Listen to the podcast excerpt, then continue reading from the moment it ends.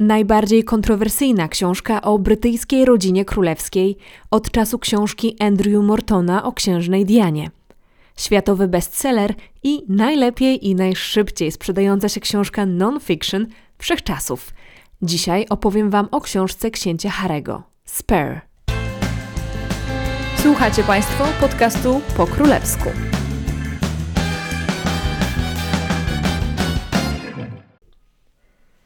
Cześć, nazywam się Anna Orkisz i jestem Waszą przewodniczką po królewskich tematach i dramatach.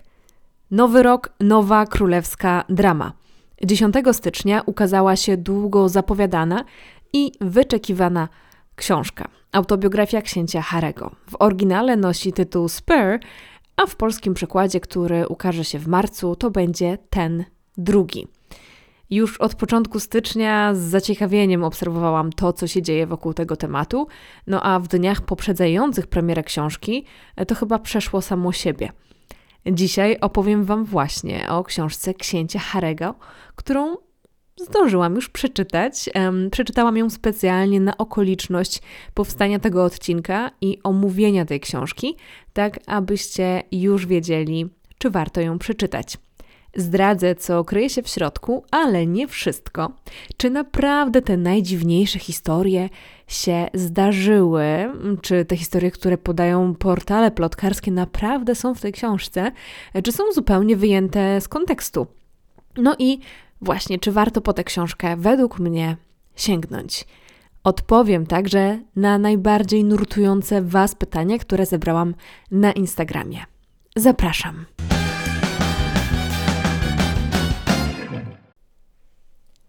Zacznijmy może od początku.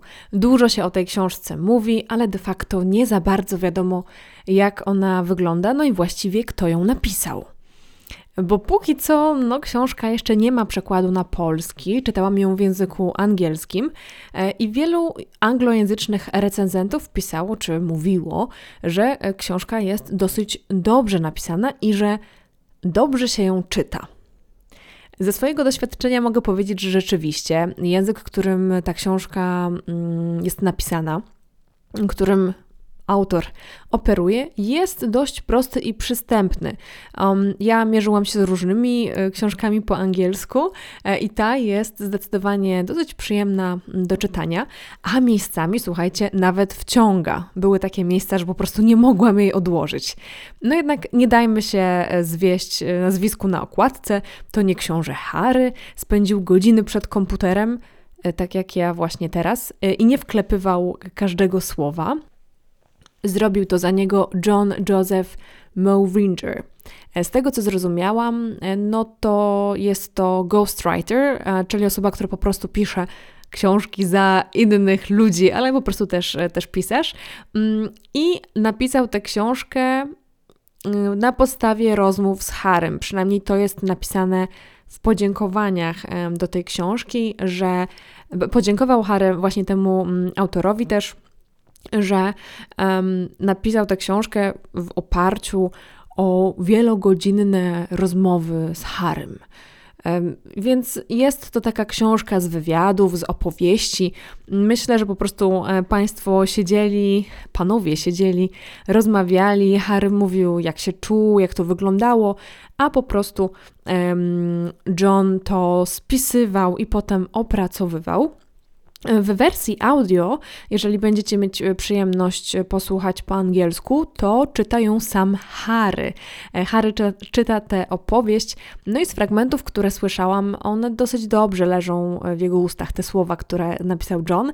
Także jest to powiedzmy napisane takim językiem Harego, tak, żeby rzeczywiście możemy sobie wyobrazić, że on opowiada tę historię.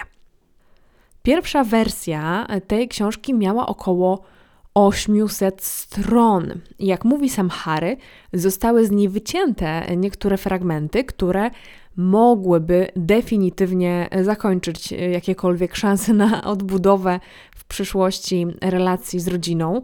Podobno zostały wycięte mm, dosyć niekorzystne fragmenty dla księcia Williama i króla Karola. No, także tam widocznie było coś więcej.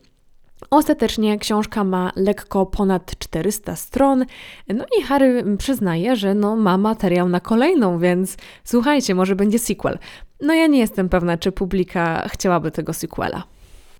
Jeżeli chodzi o sam tytuł Spare, no to odnosi się on oczywiście do angielskiego powiedzenia The Heir and the Spare, czyli dziedzic i zapasowy i właśnie ten drugi.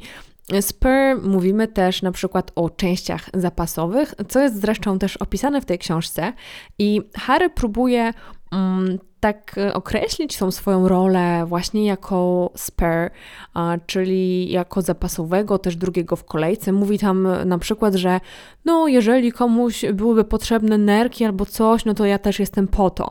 Oczywiście no jest to dosyć tak zmaksymalizowane, jest to na pewno e, jakieś e, takie wyolbrzymienie, e, ale coś w tym jest rzeczywiście, że no zwykle jednak pary w rodzinach królewskich chcą mieć chociaż dwójkę dzieci. Gdyby coś temu pierwszego się stało, temu, temu pierwszemu się stało, no to po prostu to drugie zawsze jest, że tak powiem brzydko, w zapasie. No właśnie, może zapasowy. to by był lepszy tytuł polski, ale będzie ten drugi. Co też wydaje mi się niegłupie, dlatego że. Um, to jest takie dosyć pejoratywne, wydaje mi się, określenie, jeżeli mówimy na przykład William, chodź tu i ten drugi też, albo i ten drugi, tak? Mm, no dobra, to takie moje wynurzenia. Nie wiem, jak książka będzie wydana w Polsce, e, ale w oryginalnym wydaniu nie ma zbyt wielu zdjęć. Co było w sumie dla mnie dużym zaskoczeniem, dlatego że ja myślałam, że w środku będzie taka wkładka, która, na której będą zdjęcia. Ja czytałam e-booka, e, muszę to podkreślić chyba, e, ale e, z tego co porównywałam kopię taką drukowaną i e-booka, no to rzeczywiście one w tym wypadku wyglądają tak samo i w jednej i w drugiej oczywiście nie ma zdjęć. Oprócz tego zdjęcia na okładce przedniej tam jest portret i na tylniej e, tam jest zdjęcie Harego jako dziecka, dziecka w mundurze. E, a w środku są zaledwie trzy takie malutkie fotografie, które otwierają każdy z rozdziałów. I gdyby to była sztuka teatralna, to byłaby ona podana w trzech aktach z prologiem i epilogiem. We wstępie Harry opisuje siebie jako męża, ojca, osobę, która działa humanitarnie, weterana wojennego, adwokata zdrowia psychicznego i entuzjasty środowiska. Nie jest napisane książę Harry, piąty czy tam dziesiąty w kolejce do tronu, tylko są właśnie te e, określenia, czyli tak siebie określa Harry. Mm, no i dedykacja jest dla Meghan, Archiego, Lily i dla mamy mama to jest taki wątek, który się będzie nam przeciągał przez ten podcast. Opowieść rozpoczyna się zaraz po pogrzebie księcia Filipa. Harry umówił się wtedy na rozmowę ze swoim tatą i z bratem. Tutaj mamy kawałki rozmowy, mamy już kilka smaczków, że tak powiem, sprzedanych na samym początku, ale akcja się urywa i wracamy do niej pod koniec książki. To już jest praktycznie sama końcóweczka. Pierwszy rozdział to czas szkoły, około 10 lat od śmierci księżnej Diany do wstąpienia Harego do armii. Drugi to czas, ja to nazywam kawalerski, czyli armia, ślub Williama oraz jego przygody przeróżne. E, I trzeci to już jest związek z Meghan, e, no i ostatecznie Megxit i to, co się dzieje w ich życiu obecnie. Epilog jest poświęcony najnowszym wydarzeniom z 2022 roku, przede wszystkim śmierci królowej Elżbiety II. Także nie poznajemy w tej książce zbyt wielu wspomnień radosnych, raczej jest to taka podróż przez trudne szukanie siebie, no i właśnie zaczyna się e, śmiercią matki. Mm, no i od razu powiem, że ja nie będę Wam zdradzała wszystkiego, co jest w tej książce. Myślę, że to by się miało z celem, bo pewnie wiele z Was e, będzie miało ochotę ją przeczytać. wyłuskałam sobie kilka tematów czy obszarów, które były poruszone w książce, które pojawiały się mniej lub bardziej już w mediach czy w wywiadach, które Harry udzielał, no bo trzeba powiedzieć, że promocja tej książki była bardzo, bardzo, bardzo silna i dużo z tej książki już wiedzieliśmy wcześniej. Mm, raz, że wyciekły podobno fragmenty. E, ja tutaj mówię wyciekły podobno, bo nie wiadomo, jak było tak naprawdę, czy one wyciekły przypadkiem, czy specjalnie różnym mediom i rzeczywiście już fragmenty były opublikowane kilka dni e, przed samą premierą książki. I głównie media wyciągały co takie ciekawsze kąski, co bardziej niedorzeczną historię Harry napisał, to była ona wyciągnięta i też mnie pytaliście w wiadomościach, e, czy to naprawdę się zdarzyło, czy to naprawdę jest w książce, bo doszło do takiego w ogóle, do takiego wariactwa w pewnym momencie, że zaczęły się pojawiać historie nieprawdziwe, które miałyby się pojawić w książce. Więc w pewnym momencie już mnie pytaliście, czy to było w książce, czy to było w książce, więc postaram się Wam mniej więcej powiedzieć, e, co rzeczywiście w tej książce się znajduje i przede wszystkim w jakim kontekście. Dlatego, że trzeba powiedzieć, że większość tych rewelacji, przynajmniej nagłówki, miała totalnie wyciągnięte z kontekstu, e, ale też do tego jeszcze w tej mojej krótkiej, powiedzmy to, analizie, podsumowaniu e, wrócę. I tak jak mówiłam, też e, będę poruszać te wątki, które zostały już poruszone w wywiadach, dlatego że przy promocji tej książki Harry udzielił bardzo wielu wywiadów. Ja już e, mówiąc szczerze, po prostu straciłam rachubę. Nie będę Wam tutaj mówiła, ile konkretnie ich było, ale były one zarówno do mediów brytyjskich, jak, jak i mediów e, amerykańskich.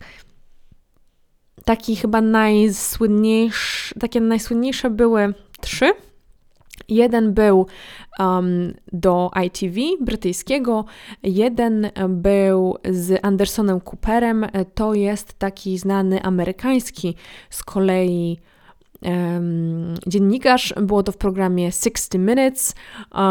Co jak co, ale 60 minut to nie trwało, tylko 30. Um, no i trzeci też taki znany um, wywiad. Jego chyba możecie jeszcze zobaczyć na YouTubie.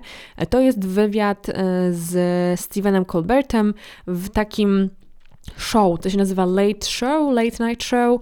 Um, jest to, wydaje mi się, że dosyć ciekawy wywiad wbrew pozorom, bo z jednej strony on jest zrobiony tak na show właśnie amerykańskie. Widać, że tam było dużo rzeczy przećwiczonych, bo podobnież um, gwiazdy, które trafiają do tego show, mają wcześniej pytania.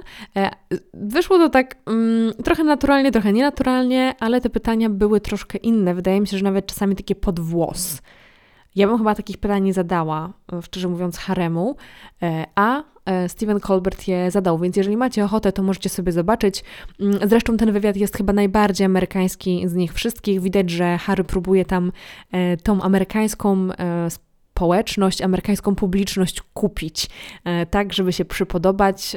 No bo myślę, że jak nie w Wielkiej Brytanii, to na pewno biznes i pieniądze chowają się właśnie w Stanach Zjednoczonych. Zresztą para mieszka teraz w Stanach Zjednoczonych, więc jest to dosyć e, takie sensowne jednak, że, że tam e, szukają swoich możliwości biznesowych. No dobra, to tak słowem jeszcze wstępu było wszystko. A teraz, co właściwie jest w tej książce w około 10 punktach?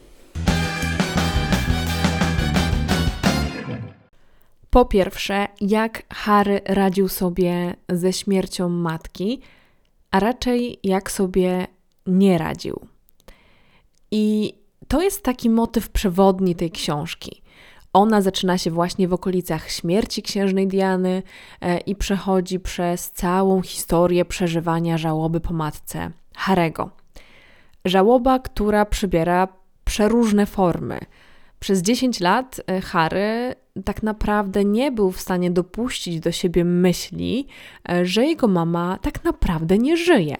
On myślał, że ona po prostu upozorowała swoją śmierć, gdzieś się schowała, może w jakiejś e, narciarskiej wiosce w Szwajcarii, i jest tam po prostu szczęśliwa, wiedzie takie życie, jakie chce, a kiedyś tam się skontaktuje z synami. I chcę tu podkreślić, że kiedy umarła matka, to Harry miał no niecałe powiedzmy, powiedzmy już 13 lat. No i jakby był w tym przekonaniu do takiej wczesnej dorosłości do około 23 lat. Mm, wierzył właśnie w to podświadomie, jakby on totalnie nie mógł do siebie dopuścić tej um, informacji, że, że jego matka nie żyje.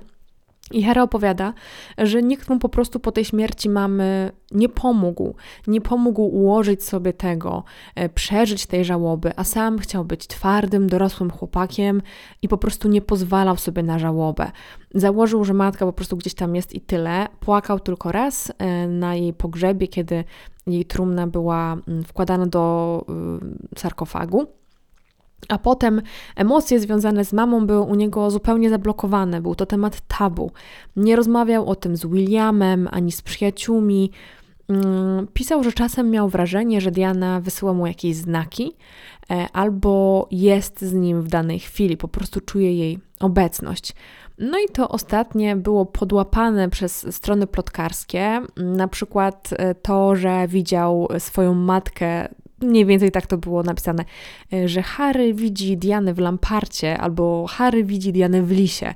E, I to wbrew pozorom zostało zupełnie wyjęte z kontekstu. Nie tylko kontekstu tego paragrafu, ale też książki. Bo zdarza się tak, że rzeczywiście e, osoby, które straciły bliskich, czują ich obecność jako takiego powiedzmy anioła stróża. To jest no, bardzo indywidualna sprawa, e, albo przynajmniej chcą czuć tak, obecność swojego najbliższego zmarłego podczas ich e, życia.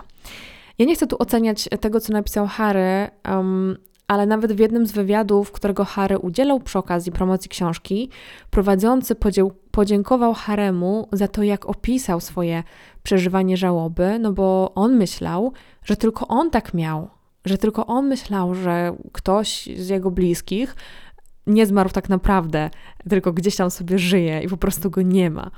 Mm, także wierzę w to, że te naprawdę ciężkie emocjonalnie, miejscami y, może trochę niezrozumiałe mm, opisy żałoby mogą komuś, y, pomogą po prostu komuś przejść przez ten trudny czas i dla kogoś to będzie coś wartościowego.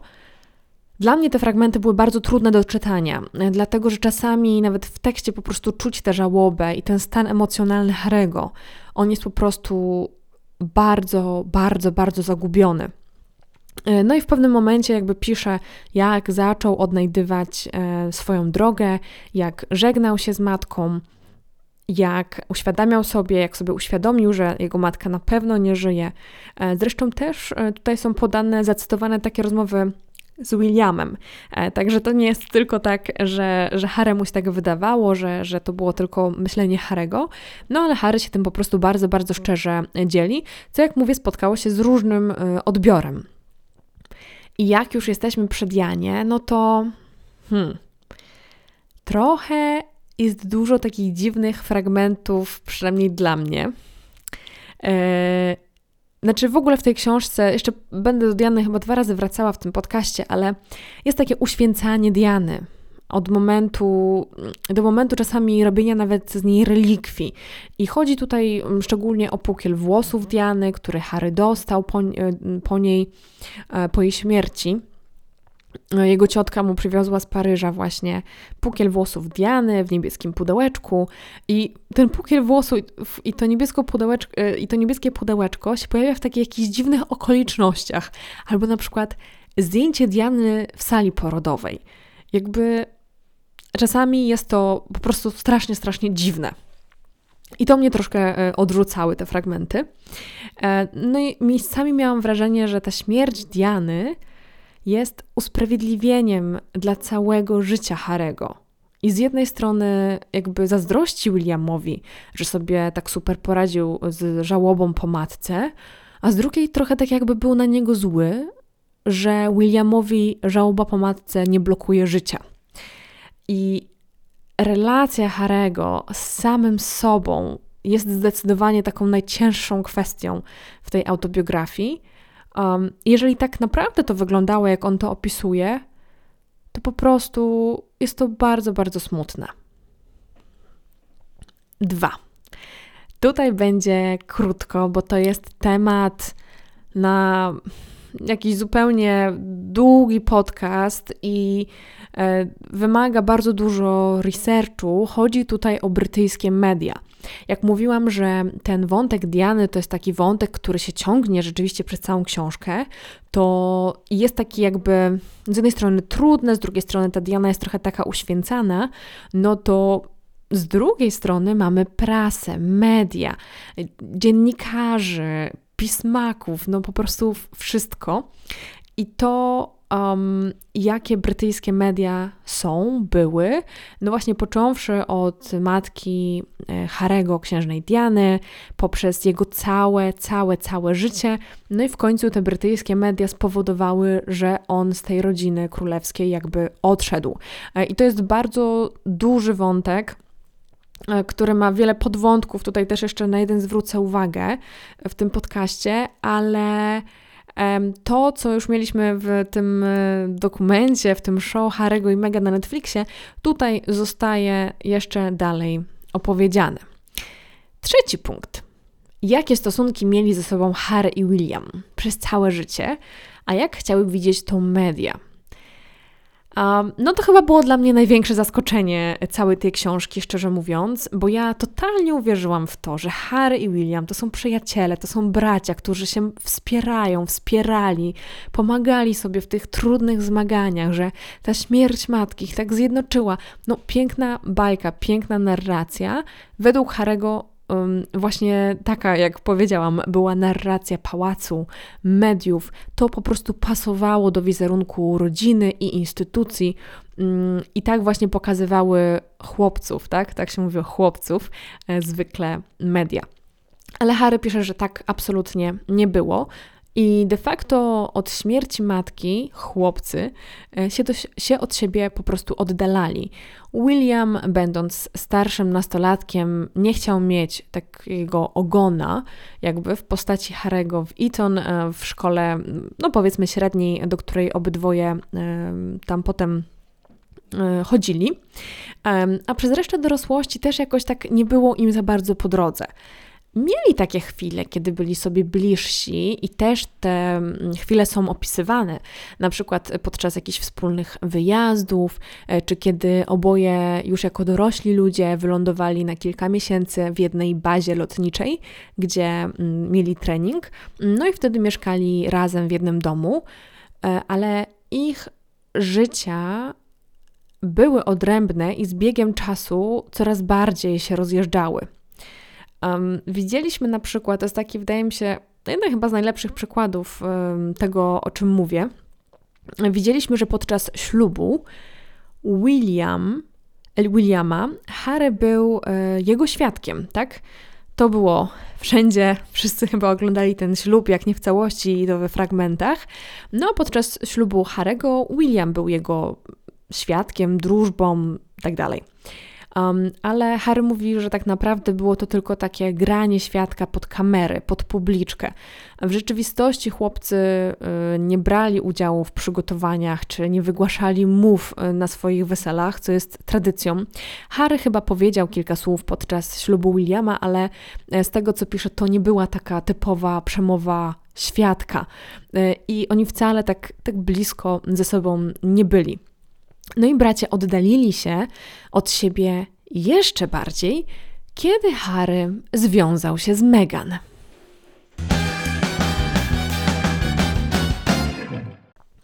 Cztery. Stosunki na linii Kate-Meghan i stosunek wtedy jeszcze pary Cambridge do Harego i Meghan.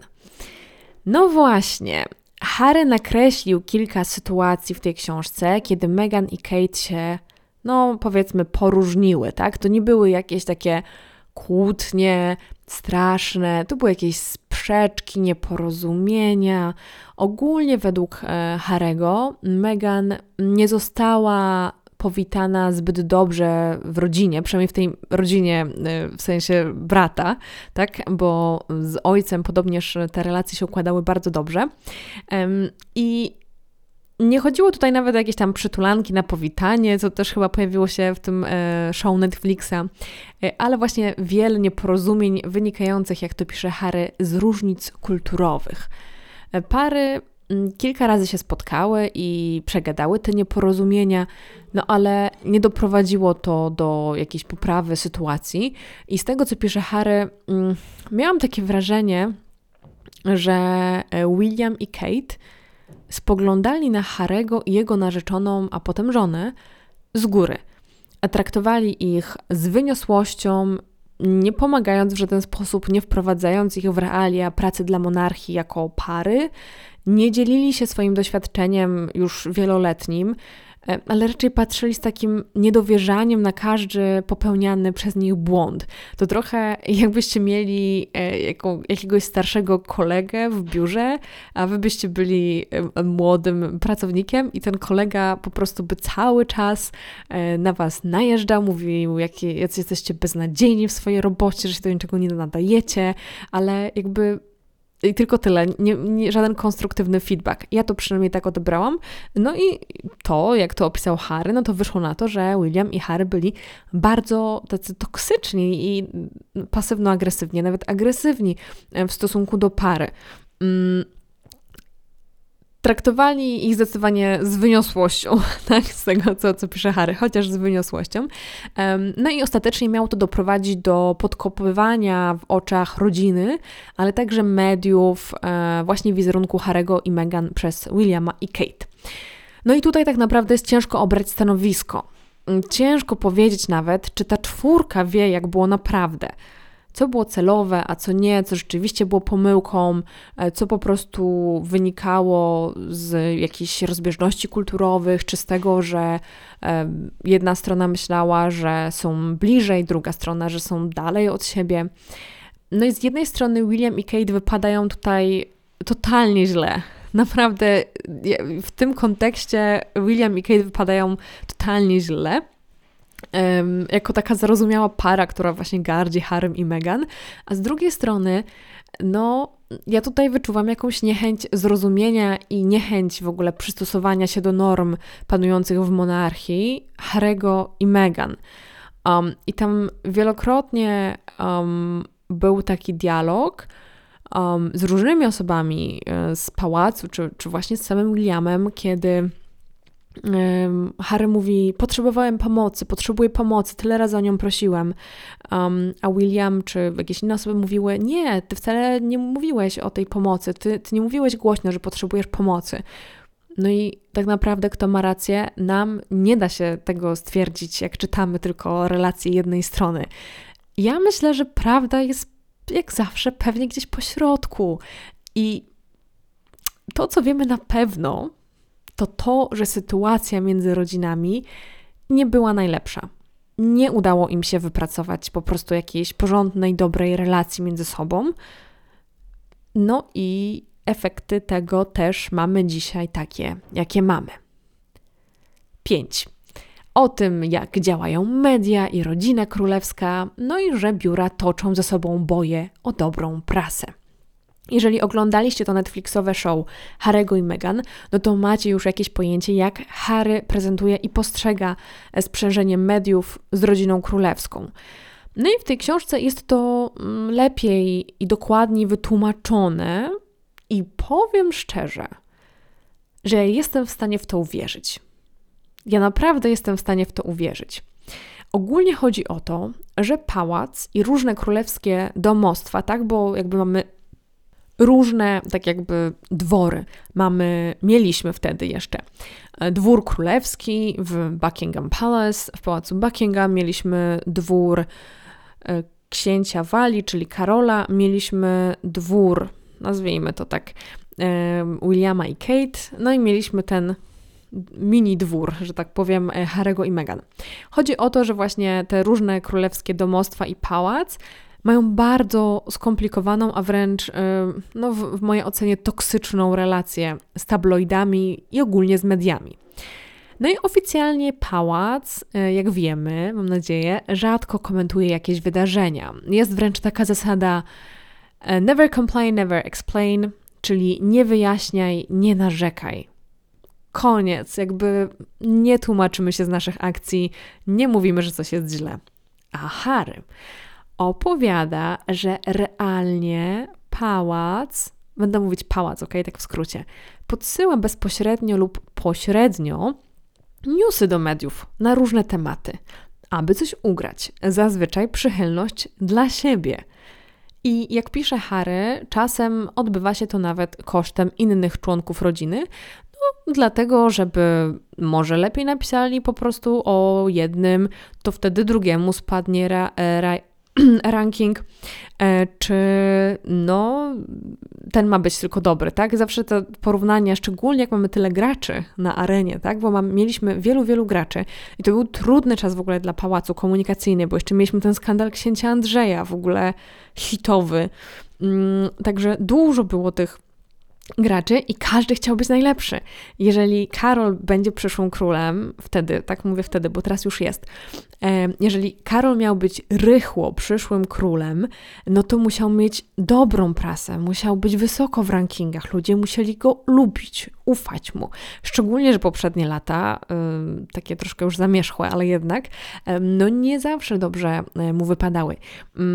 Tymczasem Meghan i Harry nagle byli w bardzo takiej no, udanej wycieczce, mm, na przykład do Australii, jak sam zresztą Harry pisze, to teraz go cytuję, że po prostu mówił do Meghan podobno, nie zachowuj się aż tak, bo y, radzisz sobie za dobrze, za dobrze. Ci w Londynie będą po prostu zazdrośni o tą dobrą prasę. Um, I Dlaczego to jest taka toksyczna relacja? O, może wreszcie do tego dojdę. Członkowie rodziny nieraz dostawali od mediów po łapach. Karol długimi latami po prostu szorował dno sondaży popularności członków brytyjskiej rodziny królewskiej i jako mm, przyszły następca, no to był ogromny, ogromny problem dla niego. Nie odpuszczono też na przykład księciowi Filipowi, Williamowi czy właśnie Haremu. I Harry pisze, że w pewnym momencie członkowie rodziny dostrzegają, że z mediami mogą się zaprzyjaźnić i przez to je nieco kontrolować na swoją korzyść, no bo y, jakoby doznając takiej amnezji o starych czasach, teraz już jesteśmy przyjaciółmi, e, teraz już się lubimy, teraz piszecie, co wam dostarczymy, no bo rodzina królewska bez mediów żyć nie może i media bez rodziny królewskiej też nie. E, no a jak w mediach jest nieprzychylnego, no to e, Harry tutaj mówi kilka razy, że po prostu nie czytają. Kolejny, chyba szósty punkt o codziennym życiu jako książę. W książce jest masa smaczków, e, tak na rozluźnienie teraz, jest masa smaczków z codziennego życia Harego. E, ciężko to właściwie zliczyć. Są też smaczki e, o członkach brytyjskiej rodziny królewskiej, o rezydencjach.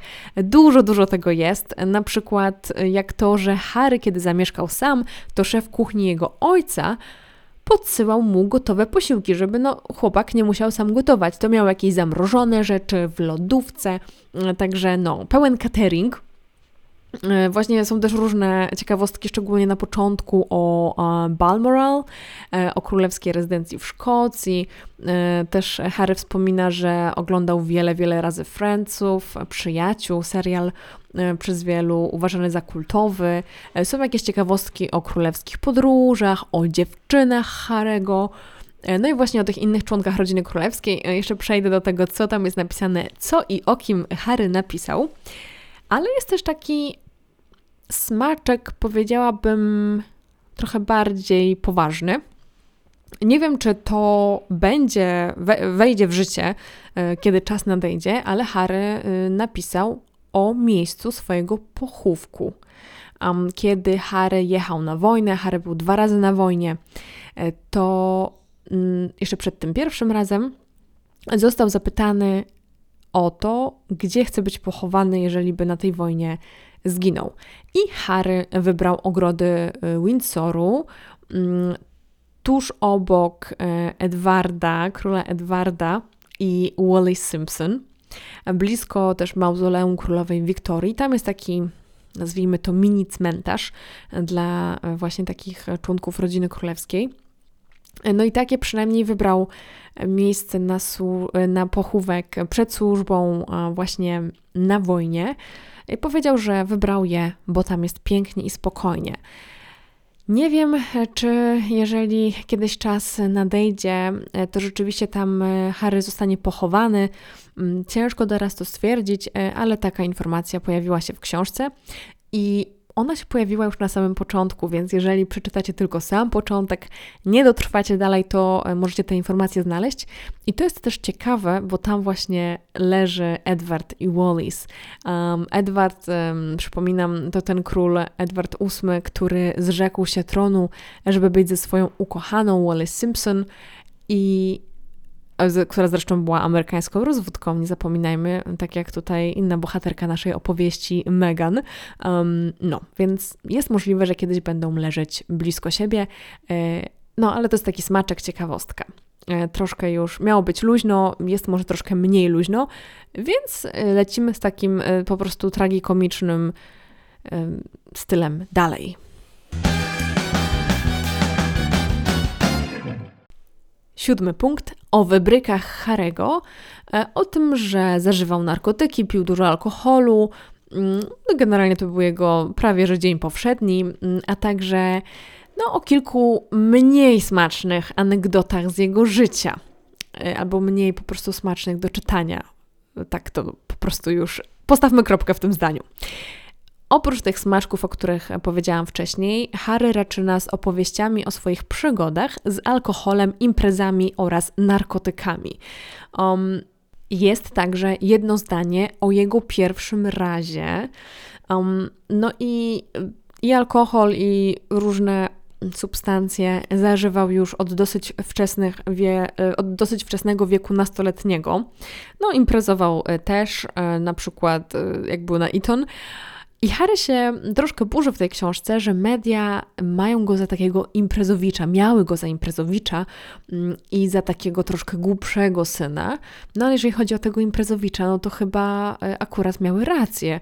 Chociaż Harry sam mówi, że publicznie próbował kilka razy e, zaprzeczyć. Pałac mu nie pozwolił, ale kilka razy próbował zaprzeczyć, na przykład jeżeli chodzi o te wspomniane wcześniej narkotyki. Mm, I jest już znana historia, mm, była chyba już wszędzie, e, o odmrożonym przyrodzeniu księcia Harego, e, który dorobił się tego odmrożenia e, podczas wyprawy na biegun północny. Tylko, że w książce ta historia jest przeplatana z relacją ze ślubu Williama. Jest to takie bizarne i powiem, e, że tutaj e, akurat Harry chyba sobie mógł odpuścić tą historię, bo czytanie o jego przypadłości no nie jest według mnie ani śmieszne, ani potrzebne i po prostu robią e, Haremu źle. Ta relacja o tym przyrodzeniu niestety robi Haremu po prostu źle. Ja nie wiem, czy to był celowy zabieg, żeby gazety i portale plotkarskie miały o co zahaczyć i czego się czepiać i co wyśmiewać. Czy Harry chciał pokazać, że nawet y, jemu, księciu, nic co ludzkie nie jest obce i, i też mu może to i owo zamarznąć?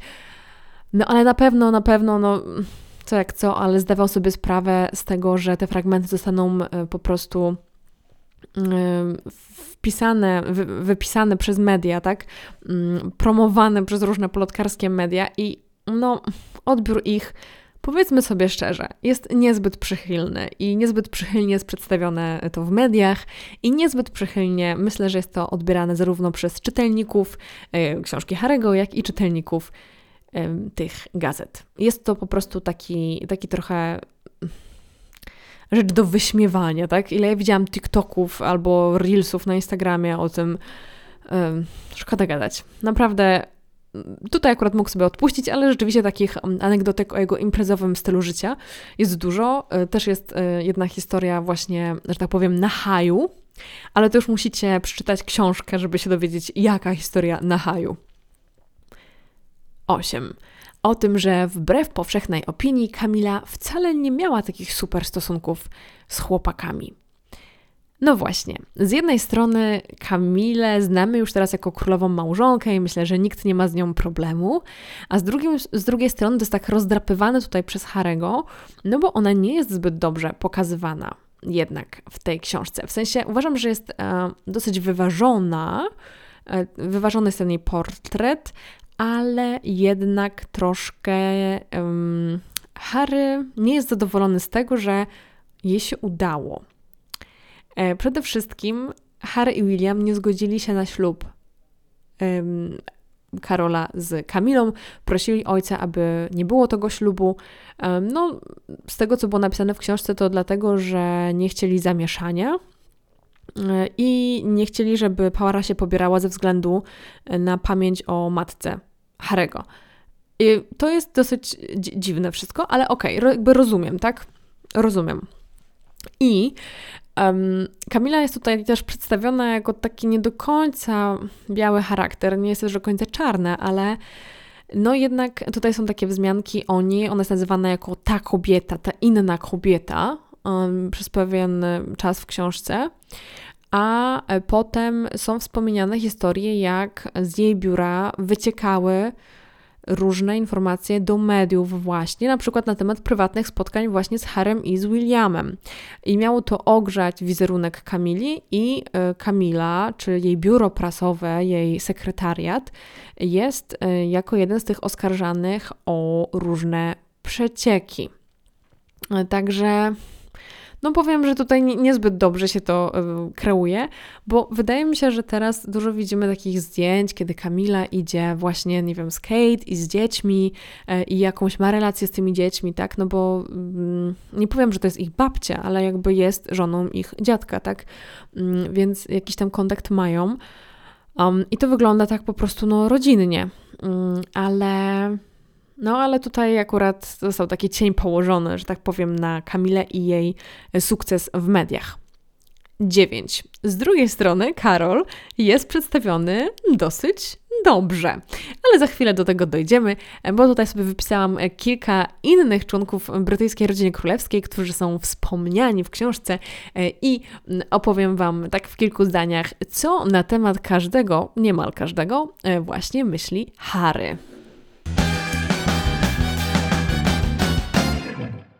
I zaczynamy od Nestorki rodu, czyli królowej Elżbiety II. Mm, raczej Harry się o niej wyrażał w superlatywach, podkreślał jej niezwykły humor, a także opowiadał, że miał do niej po prostu e, słabość. W sensie nie, ona do niego miała słabość i że ta ich relacja była taka specjalna. I nawet gdzieś tam było, że na wszystkich zdjęciach, kiedy są razem, to wiadomo, że mają sekret. Myślę, że obydwoje mieli do siebie jakąś słabość. Rzuca też kilka smaczków o jej pieskach, ale nie rzuca smaczków tym pieskom, tylko o pieskach. E, królowa mm, podobnież nie mogła przeżyć dnia bez godziny na świeżym powietrzu, tak pisze e, Harry. Mm, a także taka ciekawostka, że królowa, jak była w Balmoral, to zawsze wybierała windę jako środek transportu do swojej sypialni na drugim piętrze. A to ciekawe w sumie, że e, o tej sypialni wspomina, e, dlatego że wspomina o tym e, na samym początku książki, ale na samym końcu także jest wątek z sypialnią królowej w Balmoral. Potem książę Filip. Książę Filip, bardzo mało jest o księciu Filipie w sumie w tym, w tej książce. Chyba takie najciekawsze to to, że książę Filip podobno myślał już o śmierci w wieku 97 lat. Mówił, że no już czas na niego e, i bardzo mu miało przeszkadzać to, że nie może już tak jak dawniej pracować, a właśnie praca nadawała sens jego życiu. E, no i nie mógł też w pełni poświęcać się swoim pasjom. Potem mamy Karola. Mm, no i właśnie, co Harry pisze o Karolu? E, o Dianie już wiemy, pisze bardzo dobrze, o Kamili, no powściągliwie, ale raczej różnie, a o Karolu, o dziwo, bardzo pozytywnie, a raczej dość pozytywnie. Harry podkreśla, że mm, jak na surowe i bezduszne wychowanie e, Karola, no to Karol jako ojciec radził sobie całkiem nieźle. Harry mówi, że totalnie Karol nie był przygotowany do bycia samotnym rodzicem, no ale robił co mógł. nie wyrażał miłości w taki sposób jak matka i, i raczej w ogóle nie wyrażał jej wprost, mm, ale wyrażał ją na swoje sposoby. Zamiast na przykład coś powiedzieć, to pisał karteczkę i zostawiał na łóżku. Jest też e, opisywany przez Harego jako człowiek niezwykle pracowity i e, inteligentny, z ogromem pasji, nie tylko naukowych, ale także artystycznych. Jest taka ciekawa wzmianka na samym początku, e, taki smaczek Wam sprzedam, o tym jak Karol chodził do łazienki i kąpał się w wannie, e, słuchając audiobooków ze swojego e, urządzenia do odtwarzania CV, takiego przenośnego. Discman to się chyba nazywało e, ale Karol na to mówił jakoś inaczej po swojemu. No, także pasje do muzyki artystycznej, a także do książek mm, i zna podobno mm, wiele z dzieł Szekspira na pamięć. Szekspir jest bardzo, bardzo ważny dla Karola, no jednak na wizerunku ojca pojawia się cień, e, wtedy, kiedy właśnie Harry związuje się z Meghan i mimo, że Harry donosi, że zawsze Karol z Meghan bardzo się lubili, no zresztą też on prowadził Meghan do ołtarza, no to mm, biuro ojca ma robić, miało robić właśnie te nieprzychylne dla pary wycieki prasowe, e, bo podobno para sobie radziła za dobrze. E, o Kamili już powiedziałam, o Dianie. No Diana jest bardzo uświęcona w tej książce, więc jeżeli ktoś ma na to alergię, to, to może troszkę e, się, że tak powiem, e, poirytować. Generalnie no, Harry wyraża się o mamie w samych superlatywach, że była wspaniała, cudowna. Bardzo ją kochał i uważał, że jest absolutnie nie do opisania. Tutaj będzie cytat w wolnym przekładzie moim. Była światłem, czystym i błyszczącym światłem. Jak można opisać światło? Nawet Einstein miał z tym problem. Także tak opisywał mamę. No pięknie, yy, pięknie. Harry.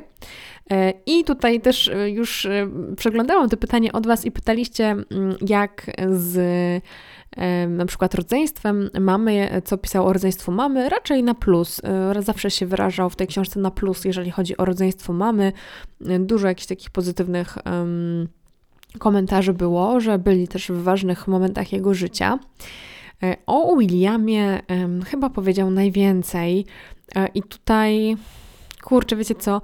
Myślę, że większość rzeczy już e, jednak pokryłam w tych poprzednich punktach, jeżeli chodzi o Williama. Bardzo ciekawym e, komentarzem jest komentarz też z tego prologu, kiedy mówi, że William po prostu w sposób alarmujący łysieje.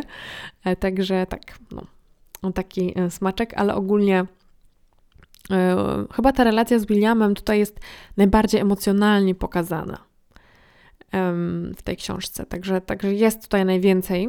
Mm, a jeżeli chodzi o innych, nie wiem, o swoje wujostwo, o swoją ciocię, o, o swoich kuzynów, to powiem Wam, że nie ma za dużo e, o innych. Um, w tej książce jest albo dużo, albo wcale, tak? E, tutaj o innych mamy naprawdę mało. E, ci członkowie rodziny, oni są wspominani. Jest e, wspomniany książę Andrzej, też w jakiejś tam zabawnej anegdocie. Jest wspomniana jego była żona Fergi. Jest wspomniany książę Edward. Są wspomniani niektóre, są wspomniane niektóre dzieci kuzynostwo Harego, ale mm, jeżeli o kimś tam się bardziej rozpisał, to tylko i wyłącznie o Eugenii, Eugenii, czyli córce e, Andrzeja. Mm, z nią ma do tej pory bardzo dobrą relację. Też jest koleżanką e, Megan, e, także mąż Eugenii. Jack także się przyjaźni z Harem, także no tutaj jest dużo, dużo pozytywnych zdań na temat Eugenii, na temat innych raczej niewiele.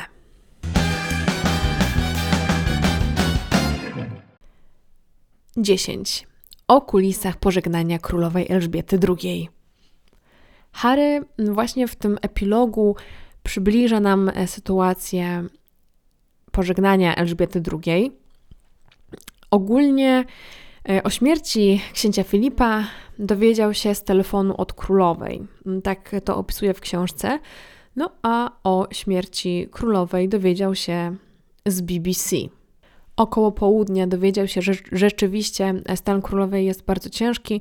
Wydaje mi się, że książę Karol po prostu do niego y, na krótko zadzwonił, powiedział, że jest po prostu ciężko. No i Harry od razu postanowił wybrać się do Szkocji. Zadzwonił do Williama, żeby się y, porozumieć, że może William gdzieś jedzie, może jakoś coś się przenosi e, właśnie do, do, do Szkocji. I William powiedział, że nic na ten temat, znaczy, że, że jeszcze nie wiadomo, coś tam, coś tam. E, no i potem się okazało, że, że William razem z innymi członkami rodziny poleciał po prostu e, samolotem, e, a Harry został zostawiony, powiedzmy, i musiał na własną rękę wyczarterować samolot. Tak, wyczarterować samolot, bo już nie było żadnych lotów takich pasażerskich, takich liniowych. Mm, i polecieć. E, także to, że on przyjechał trochę później, no to było jakby tym spowodowane. I też e, Karol miał powiedzieć Haremu, że nie życzy sobie, żeby Megan była z nim, że może przyjechać sam. E, Harry się oburzył, no ale Karol mówi, no ale żadne żony nie przyjeżdżają teraz. E, żadne żony, wszyscy zostają, Kate też zostaje.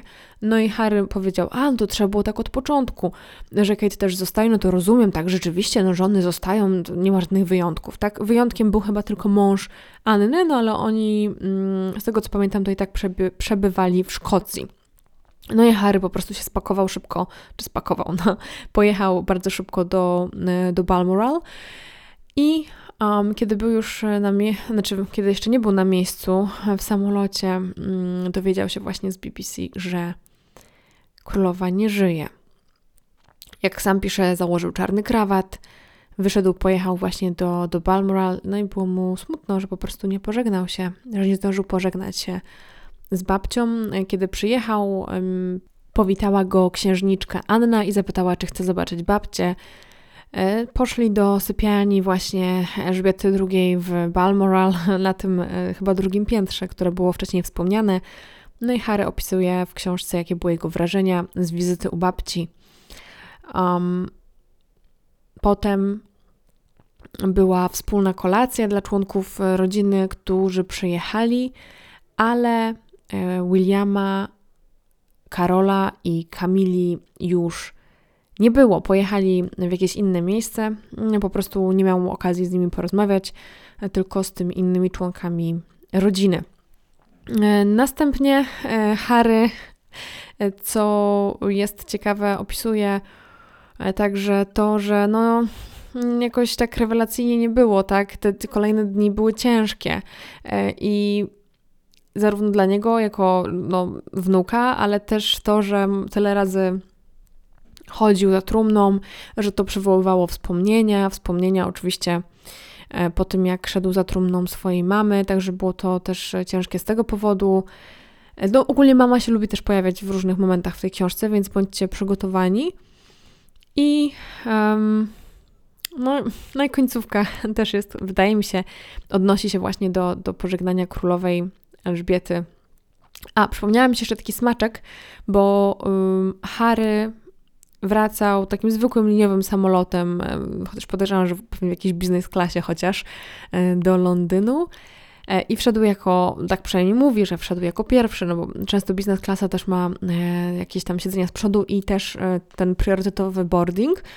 Mm, I że ludzie go rozpoznawali i każdy, czy tam prawie każdy, wiele osób składało mu po prostu kondolencje, kiedy koło niego przechodzili. Także y, no, ciekawy, ciekawy taki smaczek. Kolejne dwa punkty, już mam dwa punkty i kończę to, co było w książce. E, punkt jedenasty, czyli dziwna postawa wobec kolonializmu. I tutaj powiem tylko krótko. W książce jest kilka takich odwołań się mm, do kolonializmu, do takiej kolonialnej przeszłości Wielkiej Brytanii. I powiem szczerze, że wy wypada to dziwnie. Naprawdę wypada to dziwnie, w sensie ani to nie jest um, ominięte, tak, że jakby nie ma tematu, ani to nie jest rozwinięte. E, jest to wspomniane, e, w, raczej w takim przekładzie, że było to złe, ale w sumie to moja rodzina nie jest niczemu winna. Jest to, jest to dziwne. Tak jak w tym dokumencie, dokumencie show Harego i Mega na Netflixie, um, to było bardziej rozwinięte i jakby bardziej tak przyczynowo-skutkowo. Tutaj um, nie wiem, są jakieś takie wstawki, ale tam jest jakiś dziwny klimat. Jeszcze tego do końca nie rozszyfrowałam. I ostatnie, jedenaste chyba, czy dwunaste, czyli brak zaufania. To jest książka o braku zaufania. I tam jest o braku zaufania też sporo. I o to się rozbija generalnie, o brak zaufania. Ponieważ Harry był przekonany, że jego brat i ojciec przekazują prasie informacje na temat Harry'ego i Meghan i konfliktów wewnętrznych właśnie w rodzinie, mm, a także pompują te niezdrowe komentarze, no do tego stopnia, że Harry bał się yy, czegokolwiek napisać i wysłać na piśmie yy, do ojca, bo czuł, że zaraz to trafi do gazet i sam opowiada historię, jak rzeczywiście coś, co napisał w mailu, który był ściśle tajny, zaraz trafiło do gazet. Po prostu nie miał do, do, nich zaufania. Nie mógł im nic powiedzieć, bo bał się, że zaraz to trafi do gazet. E, podkreśla to w książce e, kilkukrotnie, szczególnie mm, przy końcu. No i oni, powiedzmy szczerze, też nie mieli i nie mają do niego zaufania. No jakby halo, y, koleś pisze książkę, w której są e, transkrypcje rozmów. No, transkrypcja może za dużo powiedziane, to jest mniej więcej odtworzenie tego, co padło, tak? To nie możemy tego brać słowo do słowa, um, że tak było, ale jest to jakaś takie odtworzenie rozmów, cytowanie niemal swoich krewnych, um, no w bardzo nieprzyjemnych sytuacjach. On tam um, ilustruje kłótnie ze swoim bratem, kłótnie ze swoim ojcem, e, Kate. Myślę, że to są takie no jednak trzy osoby, którym się najbardziej dostało, mimo tego pozytywnego przedstawienia ojca. I jakby no, sam mówi, że o śmierci babci dowiedział się z BBC, bo prawdopodobnie rodzina mu nie ufała na tyle, aby mu wcześniej przekazać tę wiadomość. No ja myślę, że to się nie zmieni, no bo to jest strasznie przykre. Jakby to jest tak przykre, że oni sobie nie ufają wszyscy i ewidentnie rodzina, ta rodzina nie umie się między sobą dogadać. Nie chce się dogadać. Każdy z nich tkwi jedynie w swojej prawdziwej wersji wydarzeń, w swojej wersji wydarzeń, w, w ich historii, tak? W ich wersji wydarzeń. I dochodzi do takich sytuacji jak ta. I zaczyna się po prostu publiczne pranie brudów, tylko, że pranie jest włożone do miski i mokre, ale jakoś nikt nie ma ochoty z tym nic dalej zrobić. A pałac oficjalnie nie zajmie stanowiska w sprawie tej książki.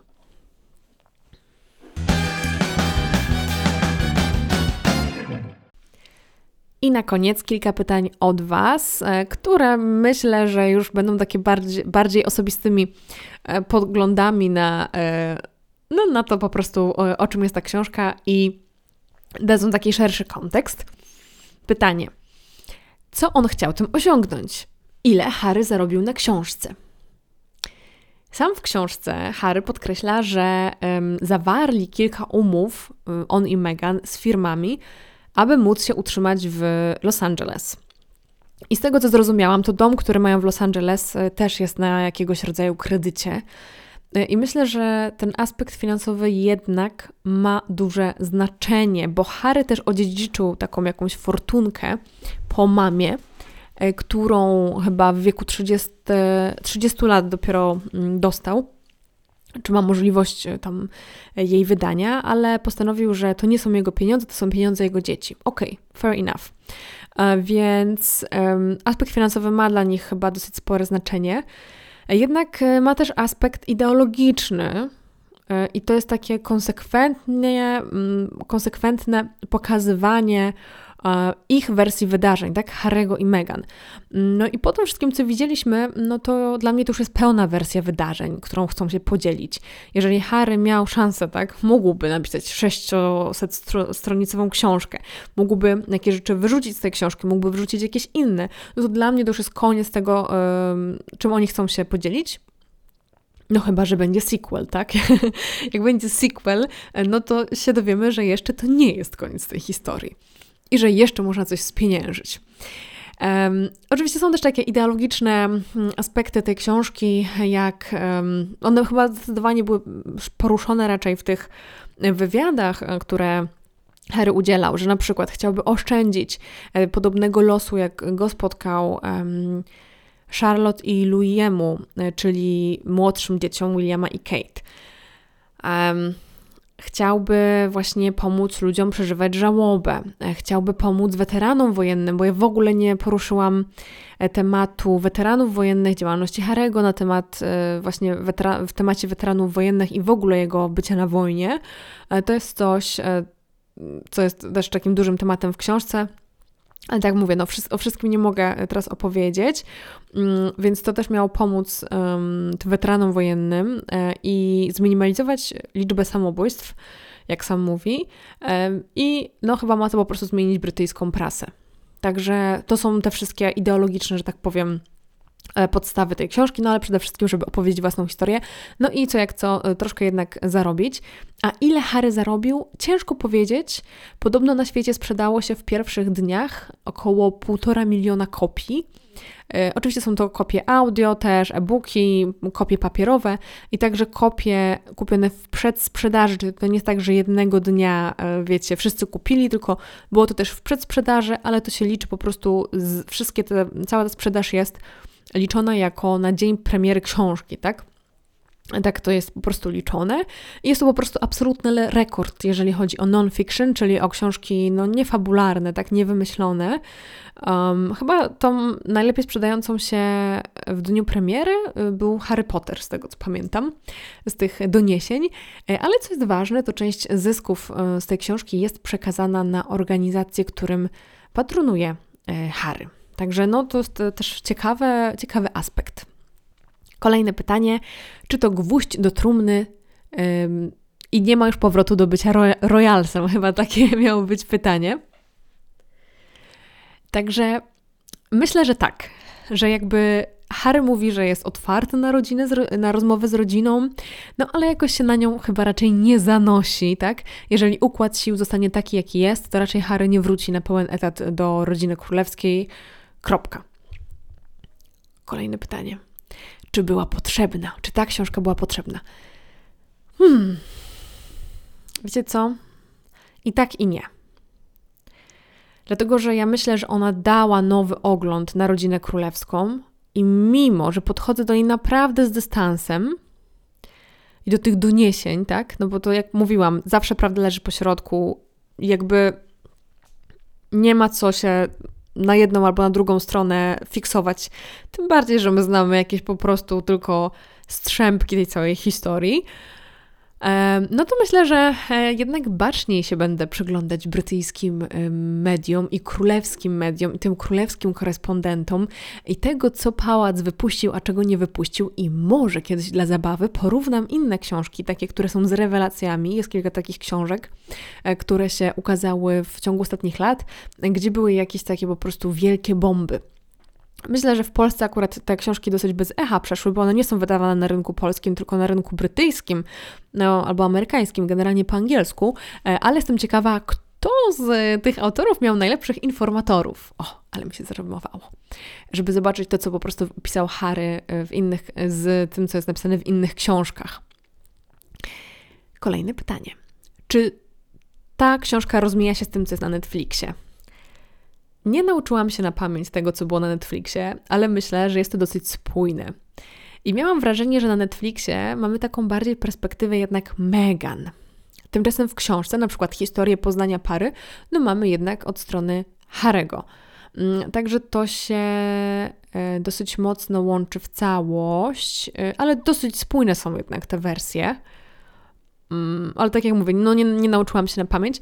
Na pewno e, bardziej jest spójna wersja Netflixa niż e, ta bzdurna wersja z Oprą, bo tam naprawdę było tyle bzdur, tyle niedomówień, tyle przeinaczeń, że no tak z perspektywy czasu ym, no nie za dobrze wyszło, wyszedł tamten wywiad. Dlaczego książki są na przecenie w Wielkiej Brytanii? To jest kwestia sprzedawcy, kwestia sprzedawcy czy wydawnictwa, y, raczej nie samego Harego. I to nie jest tak, że jeżeli macie książkę w dniu premiery 30% off, to jest to, to znaczy, że ta książka się nie sprzedaje albo, albo coś w tym stylu.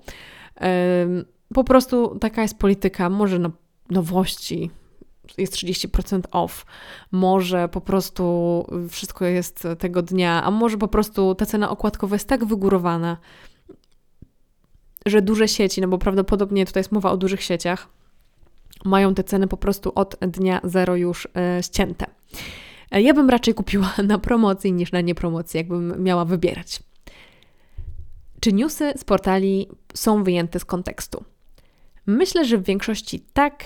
E, I tutaj poruszyłam ten temat zarówno chyba w pierwszym punkcie, jeżeli chodzi o matkę Harego i o tym, jak e, tam chyba było najwięcej rewelacji jednak z tego miejsca i z miejsca właśnie um, wyprawy na biegun i z odmarznięcia. Um, myślę, że są niektóre, tak. Mam nadzieję, że to w miarę wyjaśniłam. Czy dużo jest prywatnych fragmentów, jak piszą w internecie? To jest dosyć intymny autoportret, więc tak, jest dosyć dużo prywatnych fragmentów. Czy warto ją przeczytać? Czy warto przeczytać tę książkę? Jakie są Twoje odczucia? Czyli teraz już mam podsumowanie, podsumowanie książkowe. Czy warto przeczytać Harego? Czy warto przeczytać tę książkę? Hmm. Uważam, to roz, może to jest niepopularna opinia, że warto przeczytać. I to nie jest arcydzieło literatury, ale czytając ją, jesteście jakąś taką częścią zbiorowego przeżywania czegoś popkulturowego. I kiedyś wszyscy czytali y, albo oglądali grę o tron i się ekscytowali tym. No i myślę, że teraz jest trochę tak z książką Harego. No jest to jedna z najlepiej sprzedających się książek na świecie w tym momencie, także coś w tym jest. I jeżeli jesteście osobami, które lubią sobie wyrobić swoją własną opinię na temat książki czy jakichś wydarzeń, to myślę, że warto. Dlatego, że bardzo często sugerujemy się opinią ludzi, potem ją powtarzamy, a tak naprawdę to nie do końca ją, jakby mamy swoją opinię, tak? Jak możemy mieć opinię na temat książki, której nie czytaliśmy, tylko opieramy się na opiniach innych, więc z tego powodu ja Was bardzo zachęcam. Dlatego, że to jest też książka, na której temat po prostu można z kimś porozmawiać. Nie, nie musicie się zgadzać, ale wa wa ważne, żebyście mieli y, swoje zdanie y, które sobie wyrobicie, tak? No ja tutaj Wam prezentuję jakieś swoje zdanie, jakiś swój punkt widzenia. Um, możecie się oczywiście z tym nie zgadzać, ale fajnie, gdybyście się zapoznali z książką, a nie y, z portalami plotkarskimi. O, może tak. E, a jeżeli nie chcecie sponsorować Harego, to poczekajcie, aż będzie w bibliotekach. Albo pożyczcie od koleżanki. E, no i poza tym, jeżeli jesteście ciekawi życia na brytyjskim dworze i życia takiego młodego księcia, no to e, zdecydowanie znajdziecie tam taką kopalnię smaczków.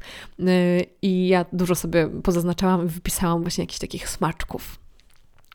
Muszę ostrzec, ostrzec, że miejscami ta książka jest nudna, i mnie na przykład ten wątek e, wojskowy, który jest taki ważny dla Harego e, i dosyć długi w tej książce, e, mnie nudził w dużej części. Oprócz jakichś tam małych fragmentów, to naprawdę mnie nudził i no nie wiem, no ja bym chciała, żeby był krótszy, ale jakby rozumiem, no Harry chciał się podzielić też tym doświadczeniem.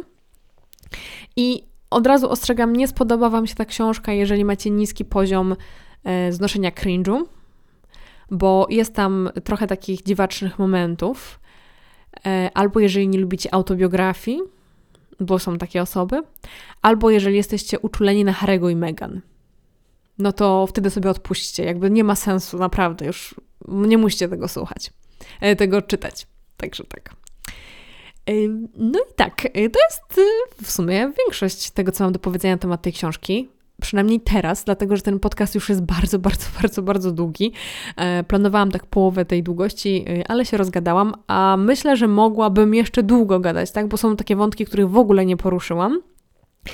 E, ale no to może jeżeli będzie zainteresowanie, e, to przy okazji mm, premiery polskiej coś się ukaże, ale nic nie obiecuję, tak? Na YouTubie znajduje się też taki krótki filmik. Jeżeli będziecie sobie chcieli przypomnieć niektóre rzeczy, o których mówiłam w takiej bardziej skondensowanej formie, to zapraszam na mojego YouTuba po królewsku. Tam jest dosłownie 6-minutowy filmik na temat e, też tej książki.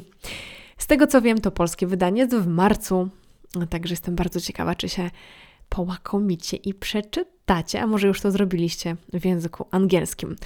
Bardzo dziękuję Wam za wysłuchanie tego odcinka. Mam nadzieję, że świetnie się bawiliście. Mi się go bardzo, bardzo dobrze nagrywało. E, naprawdę miałam ogromną frajdę e, z nagrywania tego odcinka dla Was. E, I jak zawsze, na sam koniec przypominam, że jeżeli nie subskrybujecie, jeżeli nie obserwujecie, nie śledzicie mojego podcastu, to serdecznie do tego zapraszam, bo więcej takich podobnych materiałów się będzie ukazywało. To już jest 40 odcinek, a myślę, że jeszcze wiele przed nami. Możecie się ze mną skontaktować na Instagramie po królewsku. Zawsze link jest w opisie. A jeżeli chcielibyście mi postawić kawę, a zarazem zasponsorować mi możliwość czytania e, książek o monarchii brytyjskiej w języku angielskim i kupowania ich na czytnik, albo po prostu chcecie mi postawić kawę do e, nagrywania podcastu, albo do czytania tych książek, no to słuchajcie, macie jedyną i niepowtarzalną okazję do zrobienia tego w linku w opisie do tego odcinka. E, tak. Bardzo polecam i zapraszam. Wtedy będę mogła takich sperów jeszcze przeczytać, nawet sequel, jak się ukaże. Dziękuję Wam bardzo za słuchanie. E, życzę Wam e, miłego dnia lub wieczoru. No i co? Do usłyszenia kolejnym razem. Pa pa!